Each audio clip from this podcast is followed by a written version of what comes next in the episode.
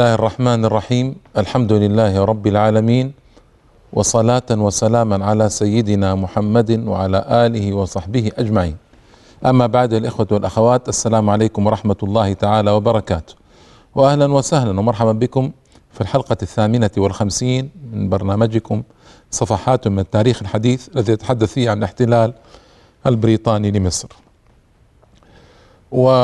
ووصلت في الحلقة الماضية إلى قرار إلغاء المعاهدة وما ترتب عليه من آه، إلغاء كل الالتزامات التي في المعاهدة هذه لبريطانيا وأن بريطانيا تحركت. أنا أريد أن أذكر في هذه الحلقة جرائم الإنجليز في مصر وهي جرائم عجيبة.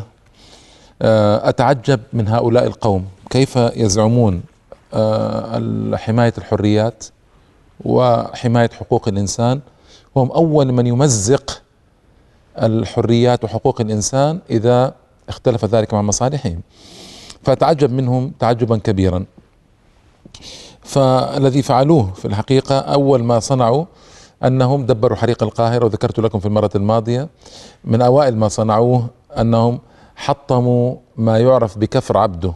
هذا مثل مجموعة مساكن بجوار السويس حطموها تماما بهمجية عجيبة عدد ضخم من الطائرات والدبابات كأنهم ذاهبون لمعركة عظمى. أيضا آه، حرقوا كنيسة في السويس وألصقوها ب آه، ألصقوا هذا يعني بالإخوان المسلمين حتى تزرع آه، الفتنة الطائفية بين المسلمين والنصارى. ثم ثبت أن الذي صنع فعل ذلك هو جمعية إخوان الحرية التي تحدثت لكم عنها في حلقة سابقة. أيضا في الإسماعيلية في المعسكر المصري استدعى أحد الضباط من المعسكر المصري استدعاه البريغادير إكس هام القائد البريطاني في المنطقة وأبلغه إنذارا بأن القوات ينبغي أن تغادر المعسكر المصري في إسماعيلية سريعا. آه، وتسلم أسلحتها للقوات البريطانية وترحل عن منطقة القناة كلها. كل المصريين من الضباط والأفراد يرحلون عن منطقة القناة. انظروا كأنها بلادهم يتصرفون فيها كما شاءوا. واتصلوا بوزير الداخلية وكان يوم ذاك فؤاد سراج الدين ورجل وفدي مشهور اتصلوا به فطلب منهم المقاومه وعدم الاستسلام. حاصرت الدبابات والمصفحات البريطانية مبنى المحافظة بسبعة آلاف جندي تصوروا سبعة آلاف جندي بريطاني مزودين بالأسلحة ومدافع الميدان. بينما كانت جنود المحاصرين لا يزيدون عن 800 في الثكنات وثمانين في المحافظة لا يحملون غير البنادق. واستخدم البريطانيون كل ما معهم من أسلحة في قصف مبنى المحافظة واستمر جنود المصريون البواسل لآخر طلقة يقاومون وسقط منهم خمسون وجرح ثمانون وأسر من بقي منهم واستقبلت هذه الأنباء بالغضب الشديد في القاهرة خرجت المظاهرات العارمة في كل القاهرة. لكن الحكومة ما كانت تملك للإنجليز شيئا آنذاك لأن كما قلت ما استعدت عندما ألغت المعاهدة ما استعدت لنتائج هذا الغاء إلغاء للأسف الشديد. من الجرائم أن حدثت معركتان في الإسماعيلية. أيضا معركة آه، حدثت ومظاهرة خرج شعب في مظاهرة مبتهجون آه، ب آه، إلغاء معاهدة 1936 فتحرش بهم الإنجليز وقتلوا عددا منهم وجرحوا عددا آخر وصارت مجزرة آنذاك في الإسماعيلية بدون سبب إلا إن الإنجليز قرروا استفزاز المصريين واحتلت القوات البريطانية مدينة الاسماعيليه بدعوى المحافظة على الأمن وحماية أرواح الرعايا البريطانيين وأيضا آه، دخلت المساكن في حركات استفزازية وفتشت مساكن مواطنين وهذا ما لم يحدث من قبل. وفتشت السيارات القادمة إلى الإسماعيلية والخارجة منها. أيضا في بورسعيد صار شيء نفسه وتكرر الأمر في مظاهرات للمواطنين في بورسعيد آه، هجم عليها مصفحات بريطانية وقابل جمهور هذا العدوان بحرق المخازن البريطانية المعروفة بالنيفي ويعني وقتل في ذلك اليوم خمسة وجرح عدد كبير من المواطنين في بورسعيد احتل الإنجليز في بورسعيد مكاتب الجمارك. وجوازات والحجر الصحي آه، والحجر الزراعي بالاسماعيليه وبورسعيد. وبعد أن اقتحموا أبوابها بالقوة واعتقلوا حراسها وموظفيها فجردوا الحراس من الأسلحة واستولوا على مرافق مدينة الإسماعيلية وفعلوا كل هذا. واستولوا على خط السكك الحديدية وعطلوا المواصلات بوقف القطارات وتفتيشها. ووضعوا أيديهم عنوة على جميع وسائل النقل إلى البر الشرقي من القناة يعني إلى سيناء وسرقوا المواطنين. وفعلوا أفعال عجيبة هنا قرر بريطانيون قرارا أيضا غريبا وغريبا جدا. قرروا أن يجعلوا منطقة القناة منطقة عسكرية مغلقة. انظروا كأنها بلادهم. والأعجب والأمر المضحك أنهم أخرجوا عددا كبيرا من الضباط والجنود والموظفين بدعوى أنهم غير مرغوب بهم في منطقة القناة. بالضبط كأنها بلادهم يتصرفون فيها كأنها بلادهم. و أبعدوهم عن المنطقة. وتدفقت الإمدادات على القوات البريطانية من البحر الأبيض آه، المتوسط ووصل آلاف الجنود في حركات استفزازية كبيرة وكبيرة جدا.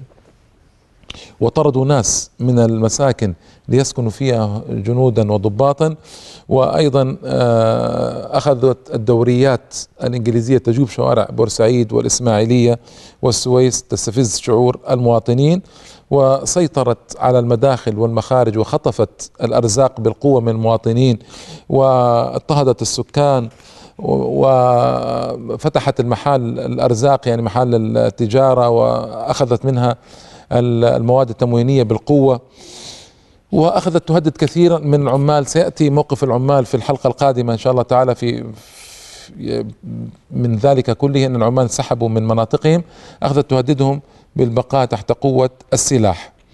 وأوقفت تقريبا كل المواصلات بين منطقة القناة وبقية القطر المصري وفرضت تفتيشا مهينا على كل من أراد أن يدخل إلى منطقة القناة. وعندما وجدت نفسها في حاجة إلى عمال استخدمت عمالا من الخارج بدون شهادات صحية كان في أمراض انتشرت هذه الأمراض في مصر وعلى رأسها مرض الحمى الصفراء وكان طبعا هذا تصرفا احتجت فيه وزارة الصحة المصرية لدى منظمة الصحة العالمية لكن تحتج إلى من؟ إذا كان القاضي خصمك تحتاج إلى من؟ هذه المشكلة. آه، أيضا منع الإنجليز حرس الحدود من آه، أداء مهماتهم في حماية السواحل المصرية فانتشر التهريب بشكل اكبر ودخلت مخدرات إلى جميع مناطق البلاد آنذاك بسبب منع الإنجليز ضباط خفر السواحل من أن يزاولوا مهمتهم وهذه كلها جرائم حرب طبعا يعاقب عليها القانون وما أدري أين جمعيات حقوق الإنسان في مصر وجمعيات ونقابات المحامين في مصر من هذا حتى ترفع دعاوى تعويضية ضد ضد هذه الجرائم البريطانية. آه، استباحوا باختصار السويس وبورسعيد والإسماعيلية وفعلوا بها الأفاعيل آنذاك وعزلوا الجيش المصري في غزة وسيناء ومنعوا اتصاله بالجيش غربي القنال لأن طريق دخول الجيش المصري الذي مرابط في سيناء وغزة هو من جهة القناة فمنعوهم من الدخول وأجبروهم على البقاء في أماكنهم. أيضا جرت معركة دعيت معركة الإسماعيلية الثانية بعد عدة شهور. آه، آه، أطلق الجنود البريطانيون أطلقوا النار على بعض رجال الجيش المصري وهم في ثكناتهم. فاستدعوا يعني حصلت مشكلة كبيرة قام الشعب وثار قتل أفراد من الشعب. كالعادة آه، جرح عدد كبير جدا ولم يتحرك أحد. نصرة لهذه الحقوق حقوق الإنسان. لم يتكلم أحد. ما سمعنا كلاما لأمريكا ولا لفرنسا ولا الدول الغربية باختصار شديد لأن هؤلاء مسلمون. لو كان هؤلاء نصارى لقامت الدنيا ولم تقعد. آه، قتل امرئ في غابة جريمة لا تغتفر. وقتل قتل امرئ في غابة جريمة لا تغتفر. وقتل شعب آمن مسألة فيها نظر. قتل شعب آمن مسألة فيها نظر. قتل امرئ في غابة جريمة لا تغتفر. هذه موازين التي يعني كان يقوم بها هؤلاء ويزنون بها الأمور ميزانا احتلاليا آه، استخرابيا كبيرا جدا. آه، هنا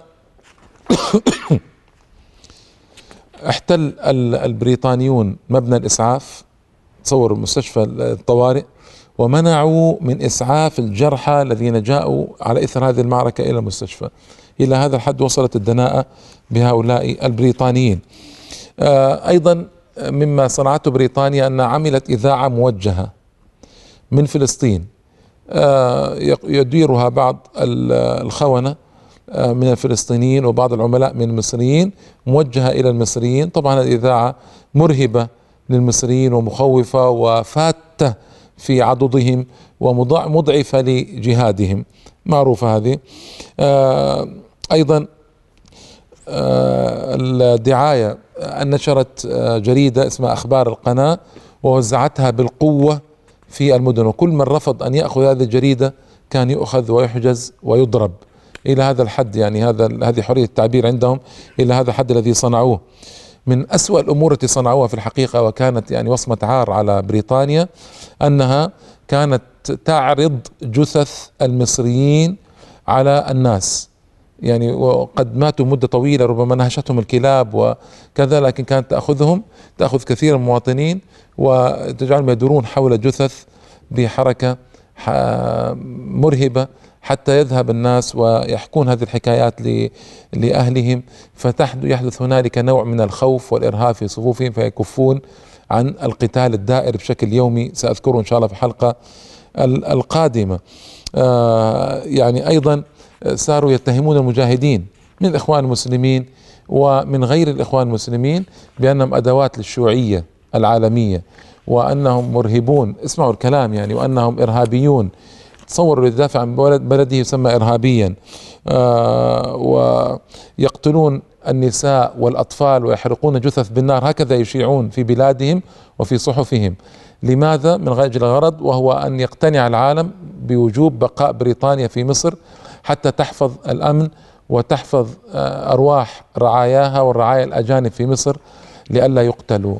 فكانت هذه طبعا يعني آه، آه، حركة دنيئة ودنيئة جدا استعداء العالم ضد المصريين. عوض أن ينظر العالم إلى الحقوق المسلوبة للمصريين وإلى ما يجري في بلادهم فإنهم يعكسون الأمر ويقولون نحن المعتدى علينا نحن الضحايا والمصريون هم المعتدون.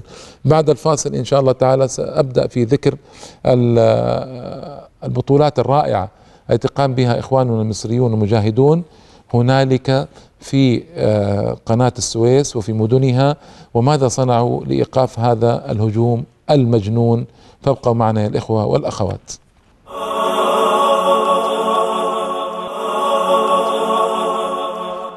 السلام عليكم ورحمة الله. مرة أخرى بعد الفاصل كنت أتحدث معكم عن قضية الجرائم الإنجليزية في منطقة القناة والآن من المناسب أن نتحدث عن رد فعل الشعب المصري. هل سكت الشعب المصري؟ ما سكت بفضل الله تعالى، الشعب المصري وهذه نقطة أنا أود أن أذكرها يعني في الحقيقة هذه حقيقة تاريخية. الشعب أخيرا وجد من يوجهه وجد من يوجهه ومن يرفع من معنوياته. للأسف الشعب المصري كان ضائعا بين هذه الأحزاب. الوفد السعديون المستقلون مثل محمود فهمي النقراشي وإسماعيل صدقي وعلي ماهر وهؤلاء. هؤلاء لا يصلحون لقيادة الشعب ولا لتوجيهه لأنهم مفتقدون في الأصل لهذه التربية الجهادية. ما ربوا على ذلك فما كان في وسعهم أن يقودوا الشعب. وأيضا للأسف الشديد المشايخ تراجع أدائهم وأثرهم ووظيفتهم تراجعا خطيرا وخطيرا جدا. فأتى الله سبحانه وتعالى بجماعة الإخوان المسلمين من أجل أن تقود الشعب المصري في جهاده في تلك المرحلة الخطيرة والمهمة. وسآتي على ذكر قضايا آه، وهذا لا يعني أن الإخوان فقط الذين كانوا يجاهدون بالمناسبة. الشعب المصري كله ابتدأ يستيقظ وابتدأ يصحو وابتدأ آه، يريد الجهاد ضد الإنجليز ويقاتل الإنجليز. لكن أزعم أن المحرك لهذا والدافع له كان في القسم الأكبر منه بسبب عمل الإخوان وكان هناك أعمال أخرى إنصافا لجهات أخرى أسهمت في نشر الوعي العام الشعب المصري. ولو كان لدى الشعب المصري هذا الوعي وتلك الرغبة منذ نصف قرن سبق على هذا لا خرج الانجليز طبعا منذ أن وطئت اقدامهم أرض مصر، لكن أنا ذكرت في الحلقات الأولى الاحتلال أن كان هناك تخاذل شعبي عجيب تخاذل شعبي صدمة شعبية عجيبة حتى أن القوات الإنجليزية احتلت القاهرة ودخلتها بألف جندي في البدايات. ألف جندي تصوروا. فكان في تخاذل عجيب في البدايات. ولو كان الشعب قام بهذه الأعمال التي عملها مما سأذكر لكم الآن في تلك الأثناء لتغير ميزان المعركة تماما وتغير التاريخ تماما. لكن قدر الله سبحانه وتعالى بدأ عمال الموانئ يرفضون استقبال البواخر البريطانية وتفريغ شحناتها. طب إزاء هذا الهجوم البريطاني وإزاء هذا التعنت البريطاني العمال رفضوا. لذلك تكدست سبع عشرة باخرة بريطانية. لا يعرفون كيف يفرغون محتواها تكدست في الميناء وتكلف بريطانيا في أسبوع واحد خسائر مليونين من الجنيهات. مليونان من الجنيهات في أسبوع واحد فقط. حتى نعرف أثر الحركه الجهاديه كيف تؤثر في العدو وأن لابد واصلة إلى أغراضها. أيضا عمال القطارات كانوا يرفضون. يعني تأتي البواخر مثلا بجنود فينزلون يريدون أن يصلوا إلى سكناتهم مدة مسافة طويلة. فعمال القطارات يرفضون أن يشغلوا القطارات ويرفضون أن يتحركوا. فتضطر السلطات البريطانيه لحمل هؤلاء بعائلاتهم في آه، الشاحنات لتوصلهم إلى الثكنات. يعني قصة مزعجة جدا لبريطانيا كانت لأبعد حدود الإزعاج طبعا. وأيضا رفض رفضت عمال القطارات نقل مهمات الجيش يعني كل لوازم الجيش وعتاد الجيش. فكانوا أيضا ينقلونها نقلا بالسيارات وهذا يؤدي إلى آه، تعب شديد. آه، انسحاب العمال المصريين من منطقة القناة. صح السلطات البريطانية حاكمة في المنطقة لكن من الذي يؤدي الأعمال؟ عمال بريط... عمال مصريون طبعا. فانسحب أكثر من ستين ألف عامل من منطقة القناة ولكم أن تقدروا هذا العدد الهائل وتقدروا أثره وتقدرون انسح... أثر هذا الانسحاب في آه القناة آنذاك. فتعطلت آه مهام ومصالح السلطة البريطانية في القناة. العمال ينسحبون حتى انهم اضطروا أن يهددوا بعض العمال بالسلاح من أجل أن يبقى. فكان العمال يتسربون ولا يبقون في منطقة القناة. وكان هذا تضحية رائعة من العمال لأنه آه، العامل إذا خرج يفقد مصدر رزقه ولا يدري إذا يعني وصل إلى القاهرة أو إلى غيرها من المدن هل ستعوضه الحكومة؟ هل ستقف معه الحكومة؟ أو صحيح الحكومة أعلنت أنها ستقف مع الناس لكن أعداد كانت كبيرة جدا. وأين بيوتهم وأين أهلهم وأين تضحيات تضحيات ضخمة قام بها العمال آنذاك مما يدل على ارتفاع الوعي بشكل كبير وكبير جدا لدى الناس آنذاك. آه وما كان أحد يتخيل أن هؤلاء العمال المساكين الضعاف يقومون بهذه المهمة الجليلة الجهادية العظيمة. أيضا حصلت مجاعة كبيرة في القوات البريطانية المرابطة في آه قناة السويس وذلك لأنها رفضت التجار المصريون رفضوا أن يوردوا المواد التموينية لمنطقة القناة.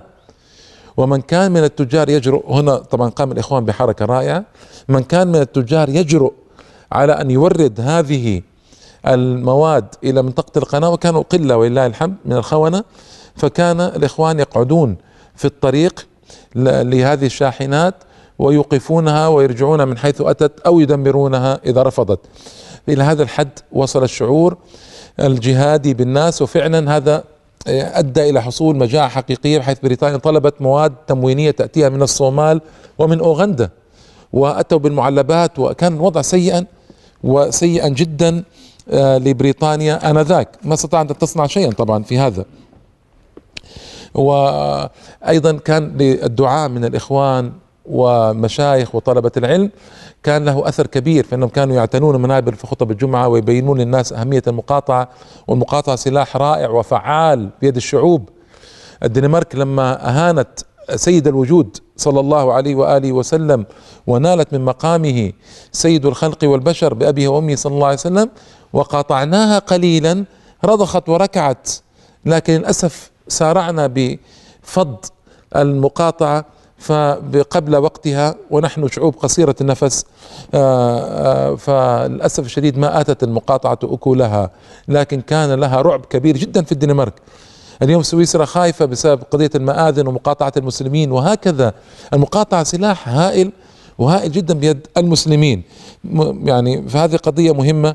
فالإخوان في خلال المنابر ومن خلال خطب الجمعة ومن خلال الدروس والمحاضرات في المدن والقرى استطاعوا أن يوعوا الشعب بأهمية المقاطعة.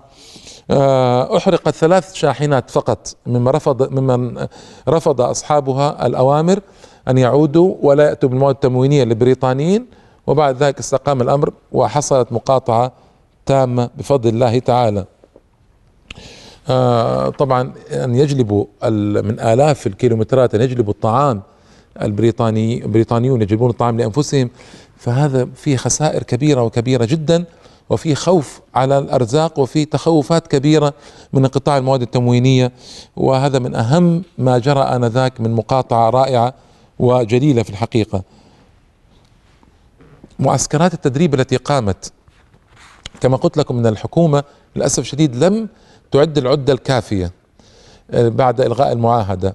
ما طو ما دربت الشباب ولا ولا فتحت أبواب التطوع. فقام الإخوان وعملوا معسكرات تدريب في الجامعات في الأزهر في عند الفلاحين. كل من أراد أن يتدرب يأتي ويدربونه. ولما رأت الحكومة ذلك آه، أرادت أن توقف هذا وأعلنت أن رصدت مبلغ مئة ألف جنيه للتدريب وجعلت صالح حرب وغيره آه، يقومون بالإشراف على هذا.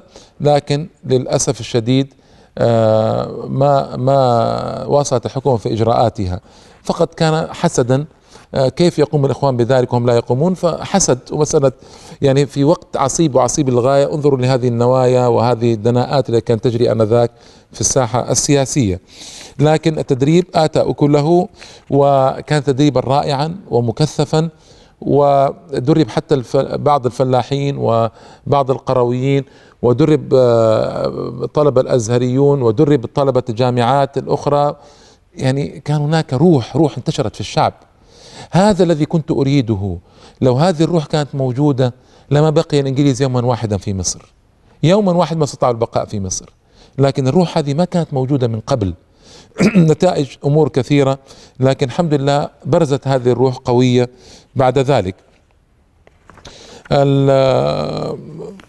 أيضا وجد الطلبة الأزهريون وطلبة علم والمشايخ عندما كانوا يفرغون من دروسهم الدينية كانوا يخلعون ملابسهم وجببهم الفضفاضة ويهرعون إلى ساحات التدريب في صفوف منتظمة يتقدمهم قادة آه، مزجوا الفكرة الدينية بمزجوا الدين بالجهاد بالمصالح المصرية الوطنية وتقدموا بفضل الله تعالى ليسوقوا هؤلاء الطلبة وعلى راسهم الشيخ يوسف القرضاوي والشيخ مناع القطان. هذه كانت مرحلة رائعة ورائعة جدا.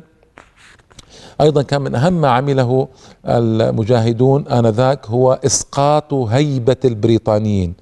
بريطانيا كان لهم هيبة كبيرة وخرجوا من الحرب العالمية الثانية منتصرين وكان لها لهم اسم كبير وكان ما تزال بريطانيا العظمى هكذا. للأسف نحن الذين ضخمنا هذه يدخل ويزدري تلك المظاهر الكبيرة الفخمة الضخمة ويدخل على رستم ويعلن له كلمة الله تعالى وينبئه أنه أن الله ابتعثهم ليخرجوا الناس من عبادة العبادة لعبادة الله. كان العرب الأوائل رضي الله تعالى عنهم يستهينون بمظاهر هذه يستهينون بالدنيا ولا يقومون لها وزنا. لكن للأسف عدة عوامل اجتمعت على آه، الشعب المصري وجعلته يعظم يعني بريطانيا في عقله وقلبه كان لها هيبة كبيرة. ف كان من المهم أن تزول هذه الهيبة. ابتدأ المجاهدون بقتل بعض الضباط وبعض الجنود وهذه العمليات كلها آه، أدت إلى آه، أن تزول الهيبة شيئا فشيئا من صدور المصريين تجاه الإنجليز ليتمكنوا بعد ذلك من الحركة الكبيرة ومقاومة هؤلاء المحتلين الغاصبين. وطبعا هذا أمر مهم ومهم جدا. تنوعت العمليات بعد ذلك. إلقاء القنابل على السيارات ومن اللطيف أن القيت قنبل على إكسهام سيارة إكسهام هذا نفسه الذي عمل مجزرة ال ال الإسماعيلية عندما حاصر مبنى المحافظة وحاصر ذكرت لكم في حلقة سابقة آه، حاصر مبنى المحافظة وحاصر الضباط المصريين وجنود المصريين آه، وقتل منهم خمسين وجرح ثمانون. آه، هذا إكسهام نفسه سقطت آه، قنبلة في سيارته لكن لم يكن فيها للأسف. آه، أيضا نسفت مخازن للذخيرة. دمرت أنابيب المياه وأسلاك الهاتف. نسفت الجسور في مناظر رائعة وأعمال جليلة. سأعيد إن شاء الله تعالى أو سأكمل ذكرها إن شاء الله تعالى في الحلقة القادمة. وإلى اللقاء. والسلام عليكم ورحمة الله وبركاته. Oh.